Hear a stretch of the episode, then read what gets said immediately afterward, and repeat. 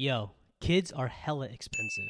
If you're a new parent and you're worried about the rising cost of education as well as just providing for your child in general, I've got the playbook for you. According to the United States Department of Agriculture, the cost of raising a child from newborn to 18 years old is now $233,000. That's $13,000 a year. That's a lot of money. But that's just the price of admission. If you want to get fancy and pay for their college education, that might cost you another $350,000. At least that's what it's going to cost me if my kid wants to go to the same school I went to 18 years from now. If I wanted to save $350,000 in a 529 plan, I'd need to contribute $750 per month for 18 years and pray that the plan returned 6% per year.